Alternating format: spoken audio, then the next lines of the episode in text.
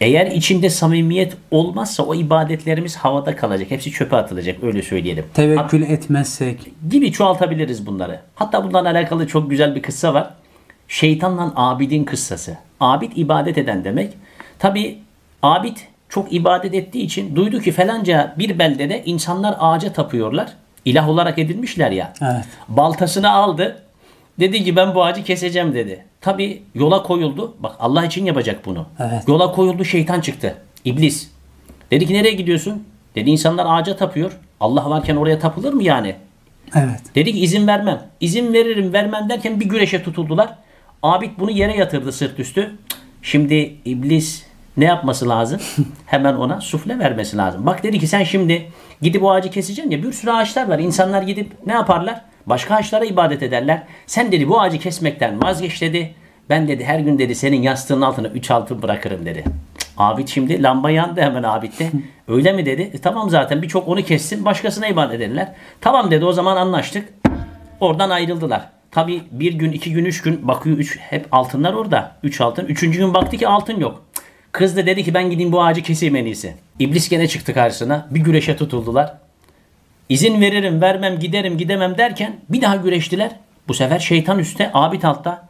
Şaşırdı tabi.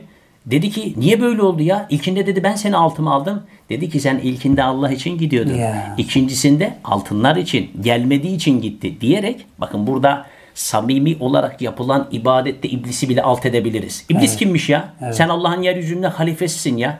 Yeryüzünde bir halife insan. Yeter ki doğru hareket etsin.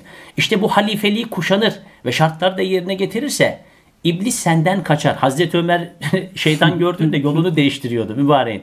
Allah Teala şefaatlerine nail eylesin hepimize inşallah. Amin. İbadetlerimizin içine lütfen hiçbir şeyi ortak koşmayalım. Eğer yapmışsak da tevbe edelim. Çünkü daha vefat etmedik. Az önce ayet-i kerimeyi okuduk ya.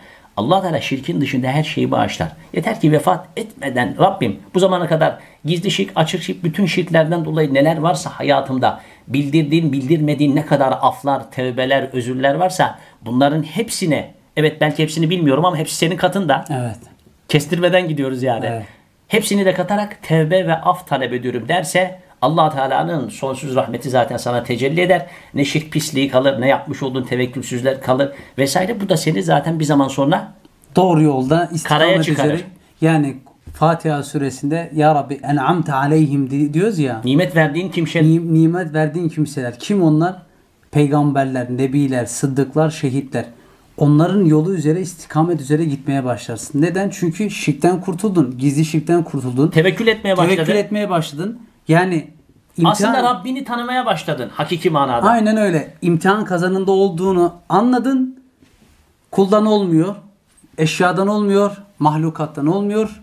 Yaratılan hiçbir şeyden olmuyor. allah Teala'nın dilemesi, izni, müsaadesiyle her şey oluyor diyerek Ya Rabbi sana da tevekkeltu alallah Ya Rabbi Allah'ım sana tevekkül ettim diyerek yola Bütün devam konularda. ediyorsun. Her konuda.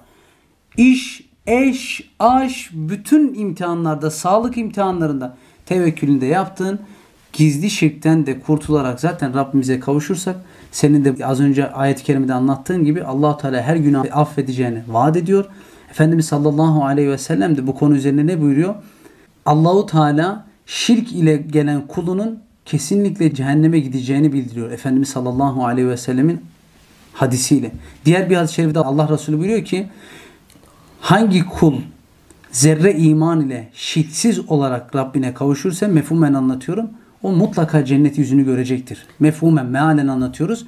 Bizim de buradan sizlere ileteceğimiz Allah rızası için her tövbeyi, her her günahı zikrederek işte gıybet, dedikodu, suizan, yalan, iftira, haksızlık, adaletsizlik, zalim olmak, zulme uğrayıp da kuldan bilerek şirke düşmek, şirk, gizli şirk, insanlara merhamet etmemek, Aşırı bu- merhamete gitmek. aşırı merhamete gitmek, tüm bunlar zikrederek ve algılayarak, anlayarak tövbe etmenizdir.